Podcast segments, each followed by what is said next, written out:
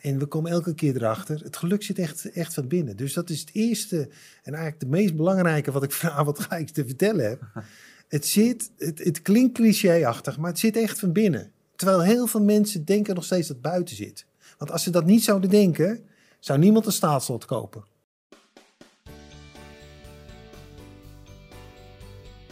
Leuk dat je weer kijkt of luistert naar weer een nieuwe aflevering van de Podcast of Hope. En vandaag hebben we in de studio auteur Hans-Peter Roel. We gaan het hebben over zinvol toeval, over key en over het volgen van je hart. Podcast of Hope, moving towards happiness. Nou, leuk dat u er bent. Ja, Ja, nou, ik vind het ook leuk om hier eh, te zijn. Ja. Nou, Onze podcast gaat over geluk. Ja. Eh, is geluk iets wat u veel bezighoudt? Ehm, eigenlijk niet dat ik daar eh, elke dag over zit na te denken. Nee, niet Ik bewust. ben elke dag eh, volop aan het schrijven. Eh, en als ik schrijf ben ik eh, gelukkig. Dus ik eh, ben het wel, maar zonder dat ik daar heel veel voor doe. Dat is wel fijn hoor. Ja, nou ja, als je als je hart volgt en, eh, en je vindt eigenlijk wat je, ja, wa- wat je, wat je, waar je hart van houdt en waar je, waar je mee bezig bent en waar je hart in stopt, ja, dan is het eigenlijk altijd goed en dan ben je altijd happy. Ja, en dat is voor u is dat schrijven. Dat is voor mij schrijven. Eh, weet ik ook pas sinds een, een aantal jaar. Ik ben eh, dyslectisch, dus schrijven was nooit mijn, eh, echt mijn eh, grote liefde. Nee. Maar, klinkt niet als eh, een goede match inderdaad. Nee. Nee, maar als ik, eh, als ik schrijf, dan, ja, dan ga ik in een soort trance, zeg ik altijd maar. Dan zie ik een soort film. Eh, en dat is, ja, dat, is, ja, dat is iets wat je ja, bijna bovenaards. En ja, dan ben ik super happy. Een En soort dan schrijf ik het op. Ja, ik, ik, als ik een boek, als ik boven mijn boek zit, dan begint er een film af te spelen. Hmm. Oh. En eigenlijk wat ik doe, is die film opschrijven. Dat is, dat is mijn Ja, eerste ja. fase van mijn boek. En daarna werkt dat natuurlijk uit. Maar ik zie eigenlijk alles al helemaal voor me. Oh, dat is En dat is echt, eh, ja, dat is echt super. eh, ja, dat, ja, als, als, als, als je het hebt over goed voelen en in flow voelen, is, eh, is dat het moment. Je vindt het wel grappig dat, dat, dat u dan zegt inderdaad, je ziet het als een film voor je. Ja, Maar een van uw boeken heet De Vierde Dimensie. Ja. Hoe conceptualiseer je een vierde dimensie als een soort van film? nou, ik zie, ik zie dus het verhaal en ik krijg altijd zaken door die daar spelen in Hmm. de vierde die, eh, dimensie. Dat gaat dus over geen tijd hebben, geen ruimte, eh, over zaken die die meemaakt. En dat, dat zie ik echt voor me. Oh, En dat oh, werk ik zo verder helemaal uit. Juist. Ja, ja. Ja, en, en hoe was het dan voordat u begon met schrijven? Want u zegt eigenlijk, dankzij schrijven ben ik gelukkig. Of ja, ik weet niet of dat precies zei. U zei, ik ben gelukkig want ik, ik schrijf. Als het Ja, eigenlijk wel, ja. ja. En was u dan ongelukkig voordat u schreef? Nou, ehm, ik ben eigenlijk een jaar of dertig terug ben ik met schrijven begonnen. Maar Nederland is natuurlijk een klein taalgebied, dus eh, het is heel moeilijk om van schrijven te leven. Hmm. Eh, ging ook helemaal niet. De eerste jaren ver- verdiende ik misschien 2000 gulden per jaar met schrijven. Dus ik moest gewoon een baan erbij. Ja. Terwijl mijn hart echt bij schrijven lag. Dus ik heb eh, jarenlang heb ik zeg maar een, eh, een baan gehad, schrijven. Ehm, eh, destijds had ik ook kleine kinderen, wilde ik ook aandacht geven. Dus ik dacht, hoe ga ik dat doen? Hè? En ik wil schrijven, want dat voelde ik als een innerlijke drive. Ehm, ik had een baan nodig omdat ik ja, moest kunnen leven en mijn huis moest kunnen betalen. En ik wilde mijn kinderen zien, want ik, ik wilde natuurlijk ook als vader opgroeiende kinderen is het mooiste wat je kan meemaken. Dus toen heb ik eigenlijk, eh, toen dacht ik, ja, dan moet ik een offer brengen. Dus ik ben elke ochtend ben ik om eh, kwart voor vijf mijn bed uitgegaan. Ging ik snel een koude douche nemen om een beetje fris te zijn. Ging ik in mijn auto, stapte ik in mijn auto om vijf uur. Ging ik voor de file vanuit Baren naar Amsterdam, want ik werkte bij de bank destijds. En kwam ik daar zo rond half zes aan, voor de file uit. Ging ik altijd naar de bovenste etage, was de 22e etage. Dat had je van die ver, vergaderzalen. En daar klapte ik mijn laptop open en dan begon de film te spelen. En dat schreef ik op. En eh, om half negen, dan was ik drie uur, vier uur aan het schrijven. Ging ik eh, eh, negen etages naar beneden, naar de vijftiende. Kwam met mijn tasje binnen en dan ging ik mijn werk doen. En s'avonds had ik dus tijd voor mijn eh, kinderen, terwijl ik wel boeken schreef. Zo heb ik het jaren gedaan. En dat is eigenlijk zo'n drive geworden, dat ja, da- daar haal ik het meest uit. Kon je dat altijd al, een film in je hoofd afspelen op die manier? Ehm, ik denk het wel. Ehm, ik was wel als kleine jongen, dat- kan me nog goed herinneren. Daar ben ik later nog eens een keer achtergekomen. Ik zag altijd die, eh, later heb ik ze gezien, de molens van Montmartre. Heb ik altijd gezien. Altijd als kleine jongen zat ik altijd zo, best dromerig, veel weg. Maar ik dacht dat iedereen dat was. Hm. Ehm, eh, tot ik van mijn ouders leerde dat het een beetje raar was. Dus toen heb ik het zeg maar toch beetje van me afgehaald. Maar het, het heeft er altijd wel, eh, ja, het is altijd, altijd wel een deel, deel van me geweest. Ik heb dus, de, ja, als je puber bent, is het helemaal niet stoer. Dus dan denk je, nou, eh, Ja. we gaan voor het bier en de brommers en niet voor het dromen. Dus ik ben het helemaal weggestopt. Maar op een gegeven moment, eh, na mijn dertigste, kwam het zo'n beetje weer terug. En Oh. toen, toen, ja, toen, toen, toen heb ik eigenlijk mijn levensverhaal opgeschreven. En ja, toen had ik het eh, schrijfvirus te pakken. Dus Ja. zo, zo, zo heb ik het uiteindelijk uitgebouwd. Ja. Eh, en ik kon een jaar of drie, vier terug. eh, ging het, was eigenlijk zo succesvol dat ik gelukkig mijn baan kon opgeven. En sindsdien schrijf ik. Ik geef workshops, hè, want de mensen lezen mijn boek en die willen daar meer van weten. En ik reis heel veel. Niet in de COVID-tijd, maar nu, nu wel weer. Eh, ja, dus ik reis door heel Europa en, eh, en dan schrijf ik mijn boeken. Ja. Dat, is, dat, is, dat is mijn leven nu en dat is zeg maar mijn eh, droomleven. Dus als je vraagt, ben je gelukkig? Dan, mijn antwoord is nu ja. Ja. Ja. Nou, mooi. Ja, Ja, en u heeft in uw boek De Vierde Dimensie schrijft u dat, als ik het goed zeg, dat toeval, toeval bestaat niet, toch? nee, dat, dat klopt. Ja. ja. En kun je dan bijvoorbeeld ook zeggen dat geluk maakbaar is?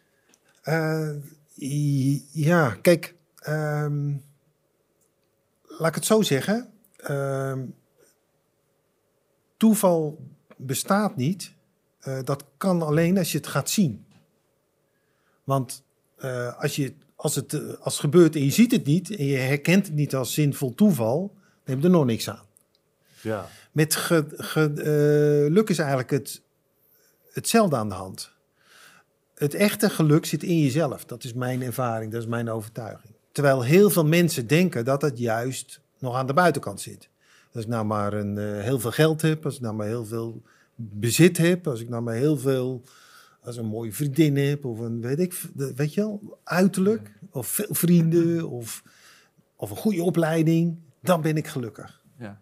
Maar ja, we zien het allemaal, weet je wel, eh, en we weten het ook allemaal. Het echte zit van binnen.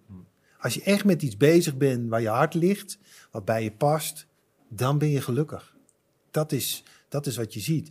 Terwijl de hele maatschappij, de hele media geënt is op, koop mij, want dan word je gelukkig. Ja. Hè? En of dat nou een iPhone is of een, weet ik veel wat ze roepen, maar eh, of een, eh, weet je wel, plastische chirurgie, ik noem maar wat. Maar als je mij koopt, word je gelukkig. Nou, en we komen elke keer erachter, het geluk zit echt, echt van binnen. Dus dat is het eerste en eigenlijk de meest belangrijke wat ik vanavond ga ik te vertellen heb. Het zit, het, het klinkt clichéachtig, maar het zit echt van binnen. Terwijl heel veel mensen denken nog steeds dat het buiten zit. Want als ze dat niet zouden denken, zou niemand een staatslot kopen. Hè? Iedereen koopt staatsloten. Iedereen wil beroemd worden. Je denkt, als ik beroemd ben, dan word ik gelukkig. Maar het is niet zo. Weet je wel?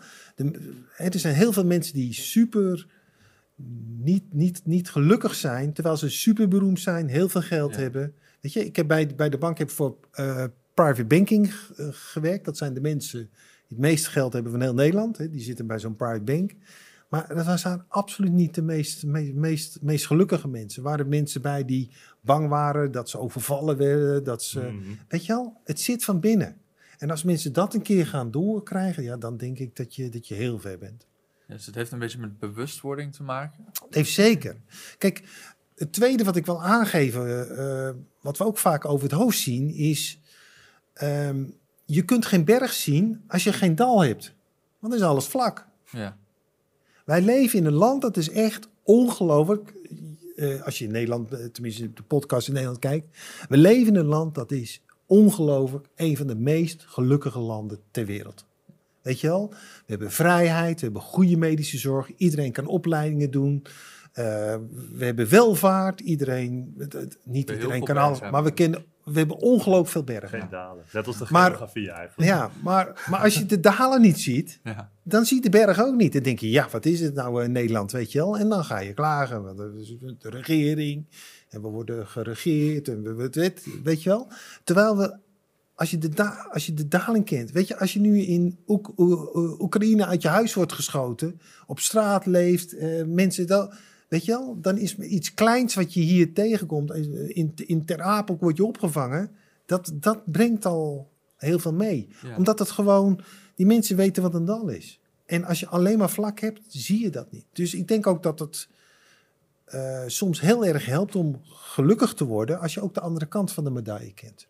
En als je alleen maar de, de topkant van de medaille kent en alles zit mee en het is welvaart en dus, dan, dan zal het best, dan, dan ben je een beetje een nadeel. Want dan heb je gewoon minder referentie om dankbaar te zijn, Ja. om, om te denken, oh wat heb ik het goed en oh wat ben ik blij hiermee. Ja, dan is het contrast tussen geluk en ongeluk gewoon groter. Dus je waardeert Ja, het meer. Ja, Ja, dat is, dat, maar, dat- maar dat geldt eigenlijk, eigenlijk voor alles. Ja, ja. Ja, en ik denk dat je misschien ook wel zou kunnen zeggen, als je gewoon gewend bent dat we alleen maar bergen hebben, dus in principe dat het alleen maar vlak is. ja dat dan is het gewoon gewoontjes. Ja, dan is het gewoon. Ja, maar misschien als er dan een dal komt, dat die ook extra, extra diep is, omdat je, dan komt die extra onverwachts misschien. Misschien omdat je dingen niet echt in perspectief zet. Het, het zou kunnen. Ik, ik, ik, ik denk wel als je, als je echt een dal hebt meegemaakt, in welke vorm dan ook. Hè? Want eh, weet je, je kan ook in Nederland eh, echt wel mensen die echt Ja, diep in ja, een dal. Ja, Laten we daar ook even. Hè? Maar ik praat even over, de, over Nederland als land. Ja. Maar mensen maken natuurlijk ook wel dalen mee. Maar pas, en dat zie je eigenlijk altijd, pas als je echt in het dal zit en je komt eruit, dan denk je, wauw. Hm. Weet je? Ja, dan ben je een ander mens geworden vaak. ja, dan ben je een ander mens. Ik, eh, eh, ik ben, ben, ben eh, nu met een boek bezig en er zit een bijna doodervaring in. Nou, als je dat meemaakt, weet je wel, dat is echt dat je erbij. En je komt daaruit terug, dan denk je, wauw. Ja, een dieper dal bestaat Wat, erbij. ja, maar wat is het Ja. leven fantastisch? Wat ben ik blij dat ik mag leven? Hm. Weet je, we, we, hè, we kunnen hiervan lekker eten genieten, we kunnen van mensen genieten, we kunnen sporten, we kunnen, we kunnen fantastische dingen doen omdat we een lichaam hebben, een geest hebben en hier op aarde zijn. We kunnen leren en dat is denk ik wel, eh, ja, als mensen dat gaan zien, ja, dan, dan, ja, dan, dan, dan zal het een stuk beter gaan. Ja. Het, het, het, het punt natuurlijk in Nederland is ook een van de meest eh, in informatielanden ter wereld. En heel veel nieuws is natuurlijk niet goed nieuws. Als je de hele dag hoort hoe ellendig het allemaal is, dat helpt natuurlijk ook niet je geest. Dus ik denk het derde punt waar ik op wil zetten is je focus. Je ziet wat je wil zien. Dat, dat geloof ik. ik dat heeft ook met, eh, met, met, met, met, met dat toeval te maken. Als je daar niet op gespinst bent, dan zie je het niet. Weet je, eh, we kennen allemaal het voorbeeld als je bij de eh dealer wegrijdt. Hè, als je bij de dealer wegrijdt in de witte golf. Oh, bij de En je- dealer, ja, bij de autodealer met die witte golf. Je rijdt naar huis, dan zie je allemaal witte golven. Weet Ja. je, we kennen ook allemaal het voorbeeld. Als je 30 jaar bent hè, en, je hebt, eh, en je partner is zwanger of jij bent zwanger. En ehm, eh, dan loop je door de winkelstraat en dan zie je overal kinderwagens, prenatals. Weet je, dan zit je focus daarop. Ja. En als je 50 bent en nog niet in de open fase toe bent, zeg maar, dan zie je niks. Dan denk je, wordt er nog wat aan de voortplanting gedaan in Nederland? Door dezelfde winkelstraat. Ja. Dus betekent ook dat je, als je focus niet op geluk is, als je focus niet is van, ja, we hebben ook wel heel veel, heel goed geregeld in Nederland, ja, dan zul je het ook minder zien. En dan zul je dus ook minder happy worden. Ja, ik heb dat vaak met woorden. Als ik een nieuwe term heb geleerd, dan Ja. hoor je hem opeens overal. Ja. Ja. Dat klopt, ja. Ja, woorden. En u had het net over zinvol toeval. Ja. Is dat wat zinvol toeval is? Of? Ja, kijk, ehm, alles wat je meemaakt is toeval. Het feit dat wij hier aan tafel zitten is super toeval. Want als jouw ouders elkaar niet hadden ontmoet, had jij hier niet gezeten. Ja. Als, eh, eh, als ik geen schrijver was geworden, had ik er ook niet gezeten. Mm. Als je, je al je levens terugkijkt en je voorvader, is het super, super, super toeval dat wij toevallig met z'n drieën vanavond hier bij elkaar aan tafel zitten. Ja. ja toch? Ja. Alleen de vraag is of het zinvol toeval is. Ja. Want eh, je komt ook heel veel mensen in de winkelstraat tegen. Ja, prima, is allemaal super toeval. Maar het heeft geen, geen betekenis. Kijk, zinvol toeval is dat je er iets mee kan. Ja, synchroniciteit is dat. Dat is synchroniciteit. Ja. Ik had bijvoorbeeld, ehm, ik geef Ki-cursussen en Ki is een soort levensenergie. Dus ik help mensen in hun flow te komen. En een van de eh, mensen die bij, bij mij kwamen, dat was een Belg. En die vertelde mij zijn verhaal. Het was echt een boeiend verhaal. Die man die had een burn-out. Zoals heel veel mensen tegenwoordig een burn-out hebben, maar hij had ook een burn-out. En hij ging in Mechelen, liep hij door zo'n boekenwinkeltje. En het, het- in Mechelen heb je nog van die hele kleine boekenwinkeltjes waar je zo doorheen kan. Van die oude huizen. Ja. En eh, hij liep er doorheen en er viel een boek op de grond, voor zijn neus. De vierde dimensie, toeval bestaat niet. hij dacht, dat is wel heel Heel toevallig. toevallig. Ja. Dus hij heeft dat boek gekocht. Is serieus waar, hij heeft het boek gekocht. Ehm, en achterin stond ook dat van Kie. Dus hij heeft gelijk dat Kie-boek gekocht en is Kie gaan praktiseren. Op de cursus gaan en is daardoor uit zijn burn-out gekomen. Omdat Kie geeft je extra energie. Kie geeft je kennis, geeft je energie, wat je niet alleen uit je biologische energie kunt halen. En nou, zo is hij op die, op die workshop gekomen. Da- Dan is het zinvol toeval. Want als dat boek niet voor hem op de grond, had hij nooit van die vier dimensie waarschijnlijk gehoord. En dan had hij ook nooit kie gekregen en had hij misschien nog steeds in een burn-out gezeten. Of op een andere manier opgelost. Dus als je, als je met je focus gaat zitten van, hé, hey, waarom kom ik dat tegen? Waarom hoor ik dat? Waarom zit het? Dan ga je de zinvol toeval ontdekken. En dat is precies de focus die je ook nodig hebt om je happy te voelen. Dan moet je daar ook op focussen. Ja, want je zegt dus dan toeval bestaat niet, omdat er is dus heel veel toeval. Dat is dan wel toeval, maar dat is dan gewoon leuk om te zeggen, je kan er verder niks mee. En dan Ja. heb je ook nog zinvol toeval. Daar gaat het om. Ja. En, en daar kun je dan ook echt wat mee doen? Ja, daar, daar kan je Kijk, je kan er. Eh, wat ik altijd zeg, je kan er twee kanten mee op met toeval. Eh, zinvol toeval. Of je gebruikt het als kompas naar de toekomst toe.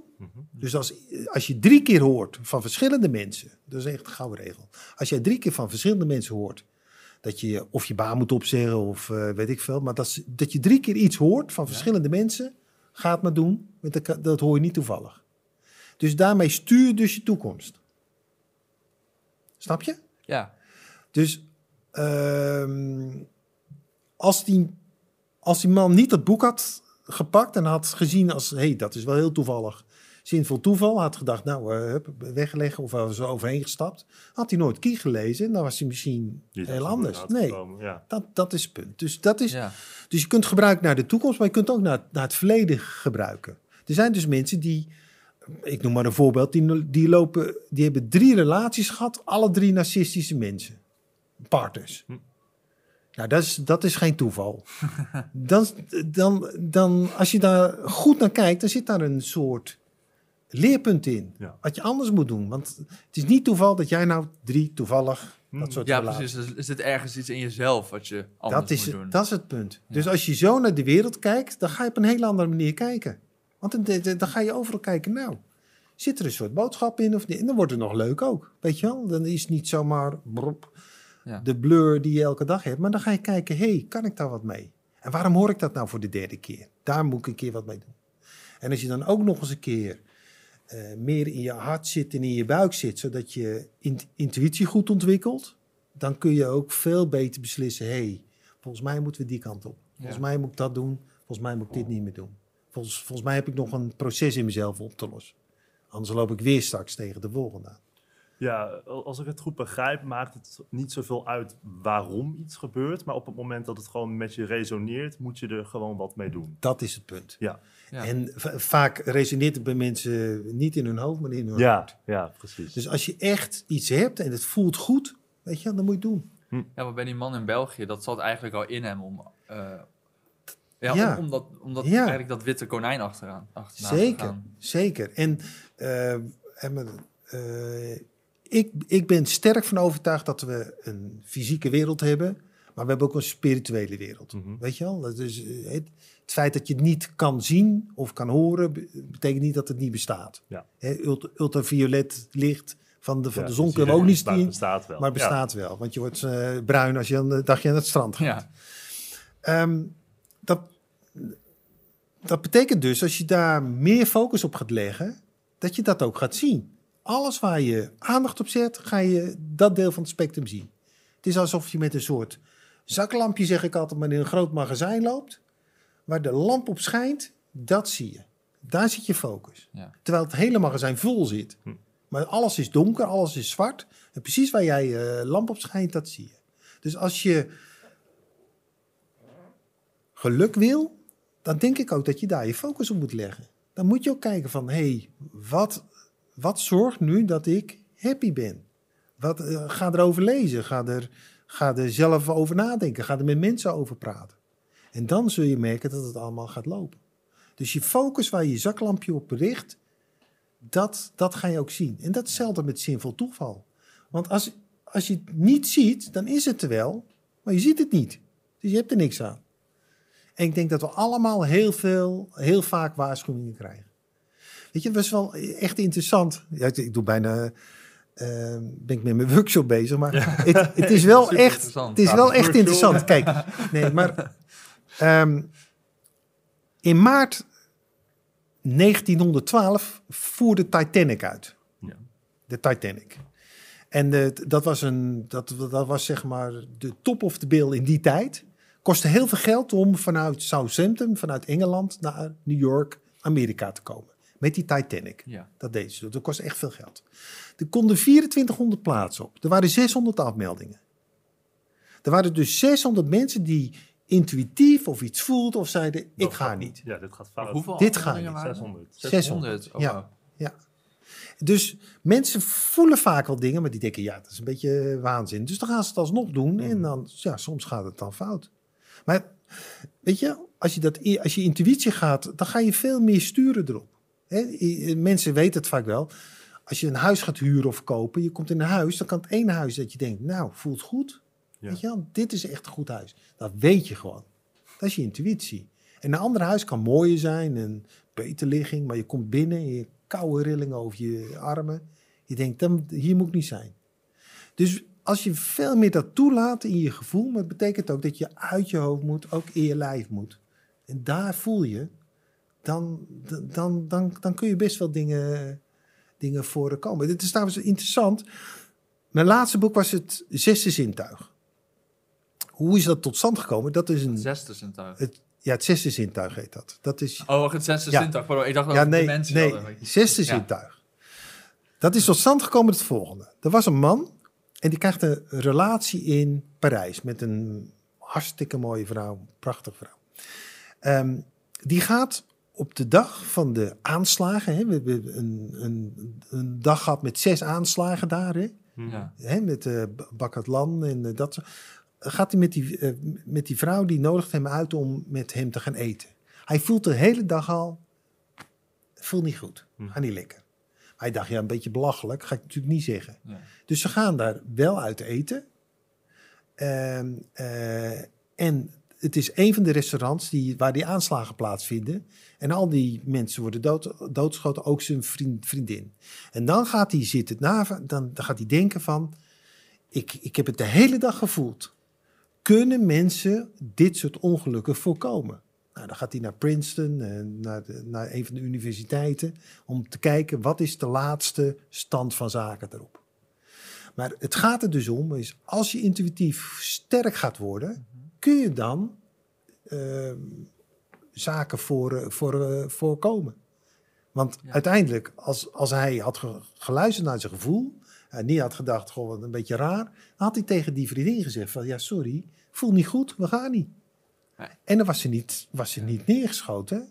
En dan Ja. had, had zijn leven er anders uitgezien. Ik denk dat je wel Dus- ergens dan een grens moet trekken, toch tussen dat en bijvoorbeeld paranoia, dat je eigenlijk nergens meer heen durft. Omdat je altijd denkt dat er wat kan gaan gebeuren. Nee, dat is als je echt voelt dat er wat gebeurt. Je, jij gaat best wel naar de bakker en dan voel je niet dat er wat ergs gebeurt, of wel?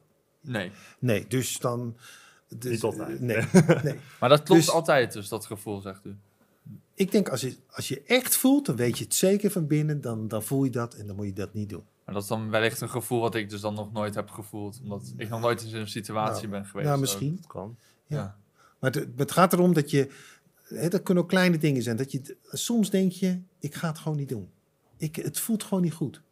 Weet je, als je bijvoorbeeld, ik noem maar wat, eh, als je nu naar Amsterdam loopt en je gaat zo'n nauw steegje in, dan kan het zijn dat je voelt, ik moet het niet doen. Ja, oké. het maar is gewoon, Ik Ja. moet dat niet doen. En als je, als je er dan toch heen gaat, ja, dan, dan heb je mogelijkheid dat het misgaat. Ja, maar dat gevoel is niet altijd correct. Want soms als je het doet, dan gaat het wel gewoon goed. Mm, tuurlijk, ik zeg niet 100%, Nee, nee. maar uit veiligheidshalve zou ik altijd zeggen, Ja. als je Ja, echt. Ja. sure, intrinsiek, als je het echt niet een beetje van, nou dat denk ik maar zo, maar Ja. echt voelt, moet ik niet doen en dan weet je het gewoon. Dan zou ik het niet doen. Is dat gevoel een soort van hogere ingeving uit de spirituele Eigenlijk- wereld? Ja, eigenlijk is dat, ja, eigenlijk wel, ja. Kijk, eh, mensen hebben een derde oog. Mensen drie ogen. Eh weet ook, uit, zeg maar, de oude India. Je hebt natuurlijk twee ogen die kijken naar buiten. Dat is, die, ziet, eh, eh, daarmee kijken jullie mij aan. Maar je hebt ook een derde oog, die kijk je en naar buiten en naar binnen. Mhm. En dat derde oog, hè, dat is ook wel, daar, daar krijg je vaak dingen binnen. Daar krijg je, daar krijg je beelden binnen. Als ik die film zie, weet ik zeker, komt door mijn derde oog binnen. Het is echt, het gaat soms heel ver, hè. Ik had bijvoorbeeld, zat ik daar eh, boven in die kamer te werken, eh, om half zes. En ik was toen bezig met het boek Op zoek naar de hemel. En Op zoek naar de hemel gaat over een meisje. En dat meisje ehm, verliest de vader op zesjarige leeftijd. En die vader zegt tegen het meisje, ik wacht op jou in de hemel. En dat zinnetje gaat als mantra in de hoofd werken. Dus die gaat de hele leven op zoek naar de hemel. Nou, dan gaat ze eerst in eh, India zoeken, bij de ashram. Vindt ze niet. Dan gaat ze Santiago eh Compostela lopen. Vindt ze het ook niet. Maar uiteindelijk vindt ze het in een dagboek van een Joodse vrouw die in Auschwitz was. En die Joodse vrouw die werkt in het distributiecentrum. Ze heette Sarah Polak. En die vond in het distributiecentrum zo'n zwart boekje. Ze wilde altijd schrijven worden hè, en een potloodje. Dus die heeft ze onder de, ja, onder de pyjama heeft ze meegenomen langs die Duitsers heen. En die is elke avond gaan bijhouden wat ze meemaakt. Het bijzondere, ik, ik zat in, serieus, ik zat daar boven op die 22e etage. Op het moment dat ik mijn laptop openklapte, zat ik in Auschwitz. Zag ik, ik, ik kon het zo wat ruiken. Dat is, dat, is, dat is zo raar, dat je gewoon eigenlijk, tenminste zoals ik het beleefd heb, eigenlijk in een andere wereld zit. Ik heb dat stuk, dat laatste deel, dat dagboek, heb ik gestuurd naar het Nederlandse Instituut voor Holocaust in Amsterdam. Ik kreeg het terug met een keppeltje, met een goud randje. En er stond een handgeschreven brief bij van een Joodse man. Dit is het mooiste Auschwitz-verslag van een niet-Jood geschreven dat ik ooit heb gezien. Maar dat is gewoon, dat krijg je binnen. Dat, ik, ik kan het niet eens uitleggen. Maar dan zit je gewoon in een andere wereld. En dat is ook een beetje de vierde die, die eh, mensen door tijd en ruimte kunnen reizen. Ja, eh, interessant. Ja, Ja, en, Ik moet het even op me inlaten. ja eh, precies. Dat eh. heb ik ook. ja. Ja, want, u bent heel lang geleden, bent u, of heel, volgens mij was het best wel lang De- geleden, naar een, 30 jaar geleden, bent u ja. naar een klooster gegaan, Ja. toch? ja. En daar heeft u eigenlijk, Daar heb ik eigenlijk levensenergie leren kennen. Dat, Dat is de dat is ki, Ja. maar in China noemen ze het chi, in India noemen ze het prana. Ze hebben het eigenlijk Ja. overal.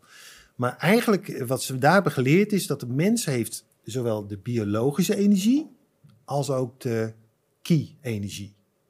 En beide energie zorgt dat jij in je kracht staat, in flow bent, lekker voelt. Als je alleen biologische energie zou hebben, hè, dat is eh, voeding, ademhaling en chemische processen, eh, dan zou je als je blijft eten, blijft ademen en je chemische processen blijft werken, zou je nooit burn-out raken. Omdat dat het allemaal doet. ja, Maar je hebt ook een, eh, wat zeg ik, die, die kiekracht. En die zorgt dat je in flow bent. Het is een soort energielichaam waardoor je doorstroomt. Oh, dat is de energie die uitgebrand raakt. Dat is die energie Ja. die uitgebrand laat. Ja, ja. Kijk, wat ik altijd zeg, als je verkrampt, hè, mentaal of fysiek, stop je ki. Hm. Net zoals je niet meer ademt, stop je biologische energie. Als je stopt met ademen, eh, is het snel klaar, zeg maar. Hm. Maar als je, als je verkrampt, en heel veel mensen zitten in die kramp, die zitten, in, die zitten onder druk, die zitten in hun hoofd, die zitten, dan stopt die ki. En als je dat lang genoeg doet, dan, dan stop je eigenlijk een heel energiesysteem. En dan ben je niet meer in flow, dan ben je niet meer lekker, en dan ben je niet meer. En dan, dan ga je on, onderuit. En ik leerde hoe je die ki-energie goed kan laten doorstromen. Is dat iets wat alleen mensen hebben? Zeggen, Nee, alles heeft ki. ook, ook dieren? Dieren hebben ki. Als je zo'n zo'n zo'n klein katje, weet je, dan voel je die ki al. Baby's hebben ki, daarom zijn baby's zo aantrekkelijk. Ieder mens wordt uit ki geboren.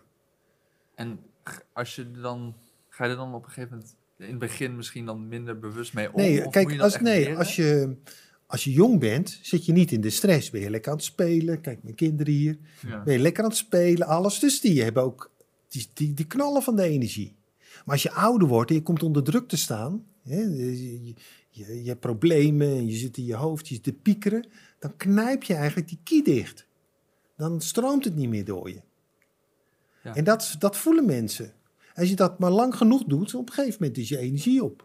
En dan Ja. kan je ziek worden of kan je burn-out. Of, Ja, de key heb je, is heb je, ja. eigenlijk de energie die jou gewoon aanzet tot dingen doen in het leven. Eigenlijk is dat het. Weet je, je hebt het in de tai chi, je hebt het in vechtsport. Weet je, het is gewoon, mensen horen te doorstromen. Hmm. Net als alles. Kijk, als ik een paardenbloem pak en knijp de steel dicht, gaat die paardenbloem ook dood. Het moet stromen.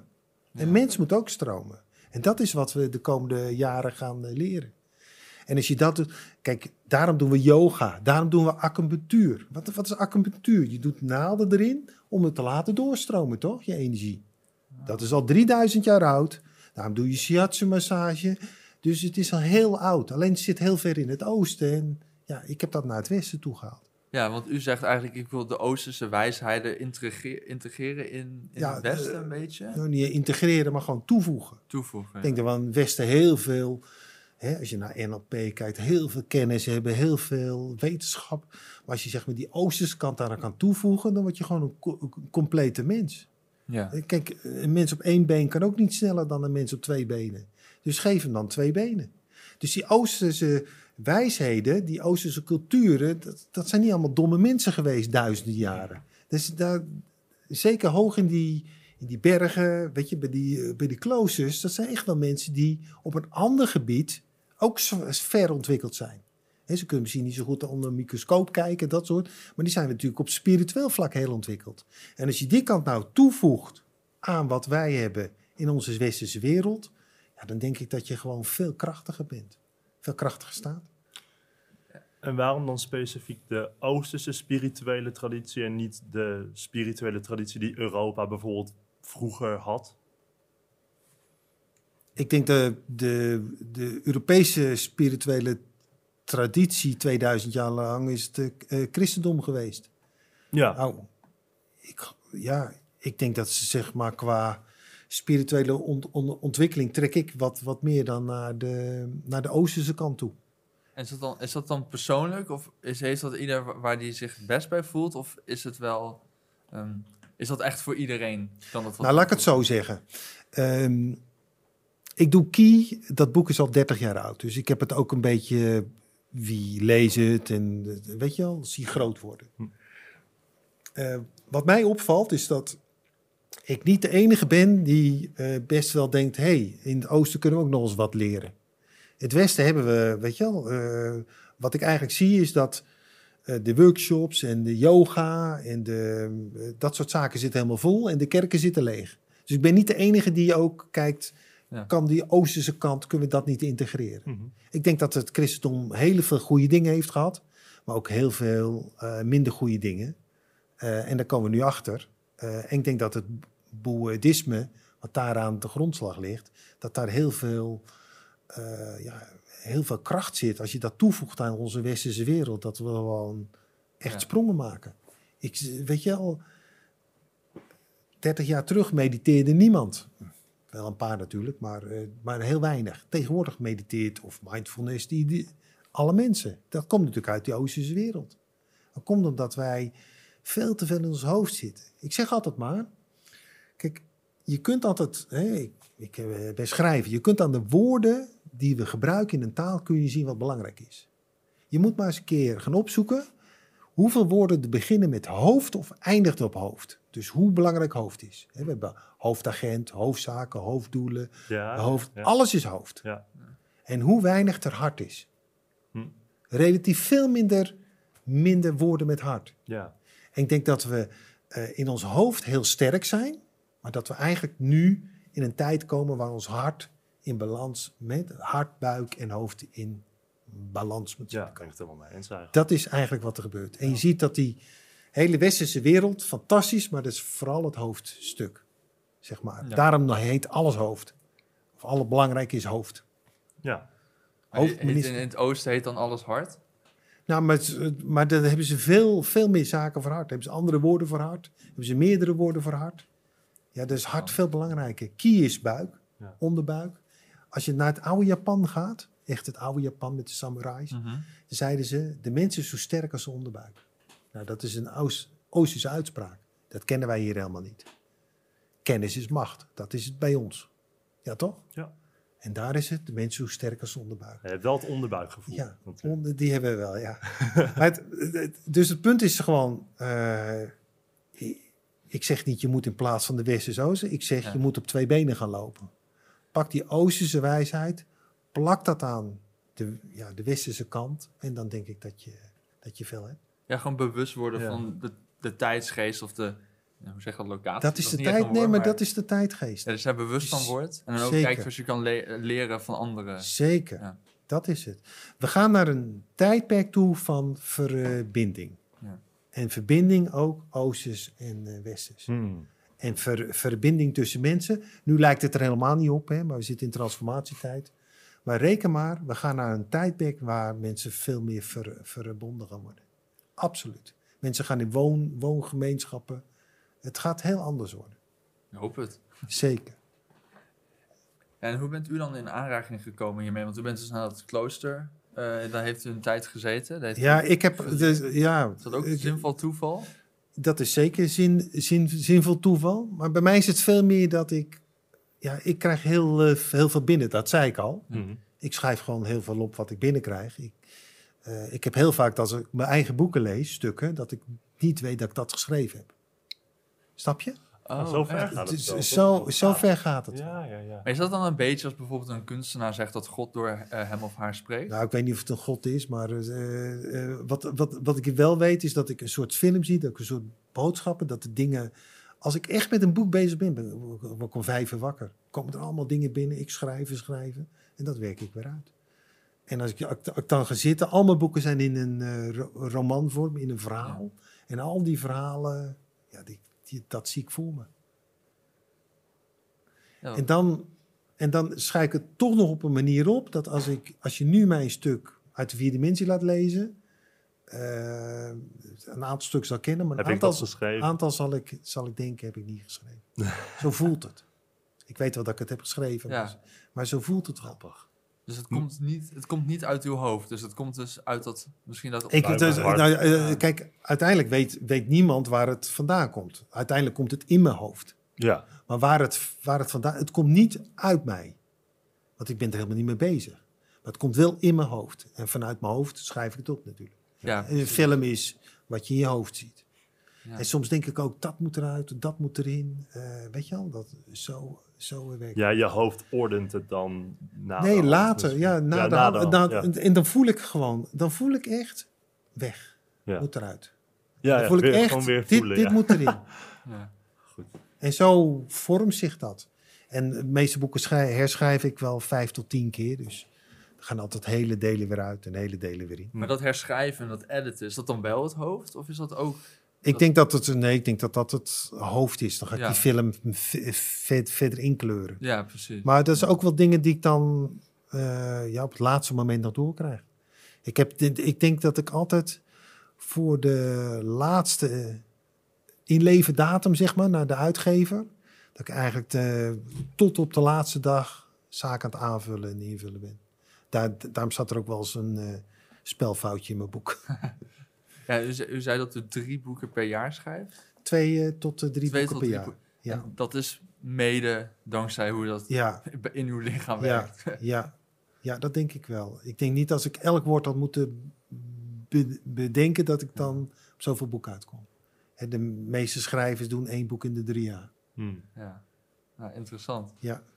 Nou, we hadden u ook gevraagd om een voorwerp mee te nemen. Waar Ja. u of gelukkig van woord inspiratie uithaalt, of et cetera. Wat heeft u meegenomen? Nou, Ik heb een muntje meegenomen met, eh, dat is een dollar. Ehm, eh, maar het meest belangrijke is dat daar de kop van Kennedy op staat. Een dollar munt. Ja, een dolle munt. Dit, is, eh, dit is een van mijn eh, grote inspiratoren. Omdat het een, echt een moedig mens was. Eh, ook een mens die verbinding zocht. En wat ik vaak doe als ik aan het typen ben, dan doe ik mijn hand zo. Muntje doe ik hier en dan ga ik typen. Hm. Ik, ben- ik eh, ben zo'n type die op twee vingers Oh ja. typt. Ja. Dus ik ga Oh ja, ja, ja. tien, tien vingers is voor mij te moeilijk. Maar Dus dan kan je wel de munt Maar vasthouden. ik kan het wel op twee en dan doe ik hem zo hier. En dan eh, doe ik dat. Maar eh, ja, ik ken- ik ken het is een heel, heel bijzonder mens. En dat is ja, dat, dat is ook een mens waar ik, waar, waar, waar ik veel bij, bij voel. is ook wel, en dat staat ook in de vierde dimensie. Ehm een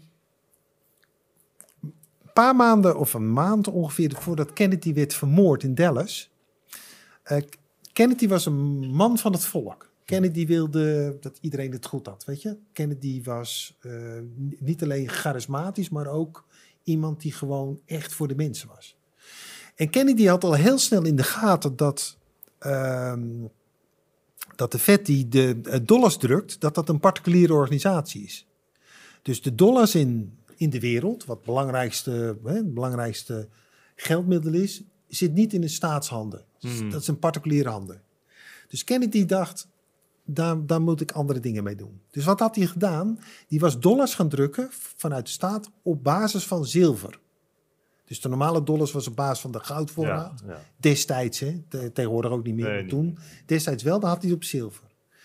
Ehm, dus hij was dollars gaan drukken op basis van zilver, want dan was het van de staat. Nou, hij is een maand later is die ver, eh, vermoord. Had een soort wetgeving had hij van gemaakt. Eh, Lyndon Johnson was zijn opvolger, hè? want hij was, was vermoord. Dus meteen In het vliegtuig, het eerste wat hij heeft gedaan, is die wet ongeldig verklaard. Allereerste. Allereerste. Oké. Dus de- de- dat was toen ook al bij de, bij de vier dimensie. Toen da- ik dacht, nou, dat is, dat is geen toeval. Daar zit de kracht achter Hm. waar wij helemaal geen weet van hebben. Want het is natuurlijk al raar dat het belangrijkste betaalmiddel van de hele wereld, en nu is het iets minder denk ik, maar toen zeker, Ja. dat dat in, in, in de handen van een paar aantal particulieren is. Dat is toch raar. ja. Dat zou toch in staatshanden van de, van de, van de overheid moeten zijn. Zeker. En eh, Kennedy door, doorzag dat. Hij is binnen een maand daarna is hij ver, eh, vermoord. Zonder dat dat ooit echt goed is. Hè? eh, Een eh, motief is gevonden. Kijk, je mag ervan denken wat je wil. Maar ik vond het wel heel bizar. Ja. Dat het eerste wat die nieuwe president deed. Boven in het vliegtuig, in de Air Force One. Is een streep halen door die wetgeving. Dat zet je op zijn minst aan het denken. Ja. Dat zette mij toen destijds aan het denken. Ja. Ja. ja. Ja, mij nu ook wel inderdaad. Ja, dat ja, klopt. Het, dat, is, eh, dat heeft ook met Kennedy te maken. En er start ook het, vierdimensieboek mee. De overeenkomst tussen president Kennedy en eh, Roosevelt zijn bizar. Het is eigenlijk zoveel dat, dat, je, dat je denkt dat is geen eh, eh, toeval. Ik heb dat ooit als een mail gekregen. Op basis daarvan ben ik toen gaan doorexerceren. En daar is uiteindelijk in de Sacré-Cœur is daar, eh, uiteindelijk is daar de vierde dimensie uit eh, ont- ontstaan. Aha. Ja, Ja, zijn er zoveel overeenkomsten? Ja, ja, dan moet je maar eens boek lezen. Ja. ja, precies. Nou, ik raad het Ja. iedereen aan. Ja, Uh, nou, wel interessant, want als je dan vraagt, ja, wat zijn uw voorbeelden? Voor, ja, u noemt dan Kennedy als voorbeeld. Terwijl je eigenlijk zou denken dat u allemaal Oosterse grootheden Ja. zou noemen. ja. Nee, wat, is, eh, wa- wa- wat ik al zei, ik, ik, ik combineer de Oosterse Ja. wereld met de Westerse wereld. En wat ik probeer om, om mijn boeken in een wat meer Westerse eh, schrijfstijl te schrijven. Ja, Omdat ik gewoon Nederlander ben. Weet je? Dus ik pak wel de Oosterse kennis, maar ik ga het niet op een Oosterse manier uitwerken. ja, ja, dan kun je Daar- het Westen er meer mee. Daarvoor hebben we de Deepa Chopra's en eh, mensen die vanuit die kant komen. Ja. Dus die pakken het veel meer vanuit de Oosterse kant op. En ik pak die Oosterse wijsheid op en ik plak het op de Westerse kant. En dat is denk ik veel eh, meer mijn taak. En eh, het, eh, Oosterse goeroes hebben we genoeg. Er zijn heel veel boeken van te koop. Van allemaal mensen die het vanuit die Oosterse kant eh, aanpakken. En ik doe het Ja. net op een andere manier. Ik pak alleen de kennis, de wijsheid. En ik plak het op een Westers verhaal. Ja. En dat maakt u Hans-Peter Roel. Dat is, ja, ja, dat denk ik wel. Nou, we vragen altijd als afsluiter of, of onze gasten nog een tip hebben voor iedereen die luistert. Hoe ze meer gelukkig, hoe ze gelukkiger kunnen worden, meer inspiratie uit het leven kunnen halen. Heeft u nog een tip voor de- iedereen die luistert? Ja, ik, eh, eh, eigenlijk wat ik, wat ik al zei, weet je wel. Eh, mensen zijn, mensen lopen in een donker pakhuis. En het enige wat mensen hebben is een soort zaklamp. En met die zaklamp kunnen ze schijnen waar ze hun aandacht op willen richten. Dus waar jij je aandacht op richt, dat, dat wordt groot in je leven. Dat zie je. Waar je. De rest is er ook, maar dat zie je niet. Dus goed om na te denken, vanaf het begin eigenlijk al, is waar zet ik mijn schijnwerper op? En weet je, als het alleen maar is negatief nieuws, alleen maar dat je dat in je mind zet, dag in, dag uit. En dat is ook nog, ik zeg niet dat je helemaal niks moet doen, hè. Maar de, eh, er zit een, eh, zit een balans tussen helemaal niks horen van het nieuws of de hele dag naar het nieuws gaan zitten luisteren. En we liggen natuurlijk in een informatietijdperk, hè. Eh, als ik in de jaren 60 keken mensen één keer per dag het acht uur journaal, na het eten en na de afwas, gingen ze zitten, acht uur journaal. Tegenwoordig vanaf 7 uur 's ochtends Ja. tot en met za. En als je alleen maar vanaf 7 uur 's ochtends tot 's avonds laat alleen maar ellende hoort, Ja. dan, dan richt je je zaklamp niet op waar je. Dus ik zou wel willen pleiten voor, en dan moet iedereen zelf zoeken waar die balans ligt, maar wel voor de balans. Want het, in het nieuws is het altijd nog zo, er, gebe- er gebeuren 90% hele mooie dingen waar nul nieuws aan is, Ja. maar er is één moordenaar die op een, Ja, een of andere manier en je, je hoort de hele week niks anders. Goed nieuws is geen nieuws. Ja? Ja. Ja. Dat, dat is het punt. Dus eh, als ik jongeren één ding mag meegeven, eh, kijk waar jouw balans zit, maar zorg niet dat je van 's ochtends 7 tot 's avonds 11 elke dag alleen maar ellende over je heen krijgt. Want daar, daar, daar knap je uiteindelijk niet van op. Dus waar schijn jij je zaklamp op? Is dat dat derde oog dat je de goede richting op moet wijzen, als het ware? Ik denk dat je, waar jij je zaklamp op, dat, dat wordt groter in je leven. Ja. dat, dat, dat gaat groeien. Ja. En dat gaat ook zorgen dat je die input binnenkrijgt. En de rest is er wel, maar zie je niet. Ik zeg niet dat, je, dat iedereen zijn kop in het zand moet, want helemaal niet. Hè? Ik zeg ook niet, eh, dat hoor je mij echt niet zeggen, van, eh, zoals er nu met mensen wordt omgegaan, in sommige gevallen, dat je, dat, daar moet je echt op inzetten. Dat herkennen die ook. Maar je moet ook de andere kant willen zien. Ja. En de andere kant is wel dat we dat er heel veel mooie mensen zijn, dat er heel veel mensen met heel veel goede eh, ideeën, met, die gewoon goed in elkaar zitten. En als je daar je focus op zet, dan gaat de wereld er ook een heel eh, stuk mooier uitzien. Ja. Dus balans en focus je echt op waar, waar zit kracht, waar zit aandacht en wat, wat kijk ik. Ja, mooi. ja, helemaal top inderdaad. Ja, bedankt dat u uw verhaal wilde doen. Nou, k- nou, ik vond het ook superleuk dus. Ja. Dat is mooi. Bedankt. Dankjewel.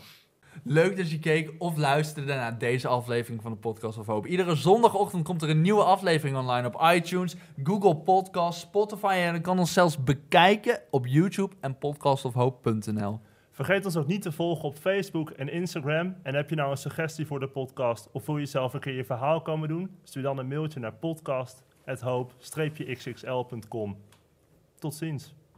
De wereld waarin we leven biedt nog geen gelijke kansen. Voldoende eten en drinken.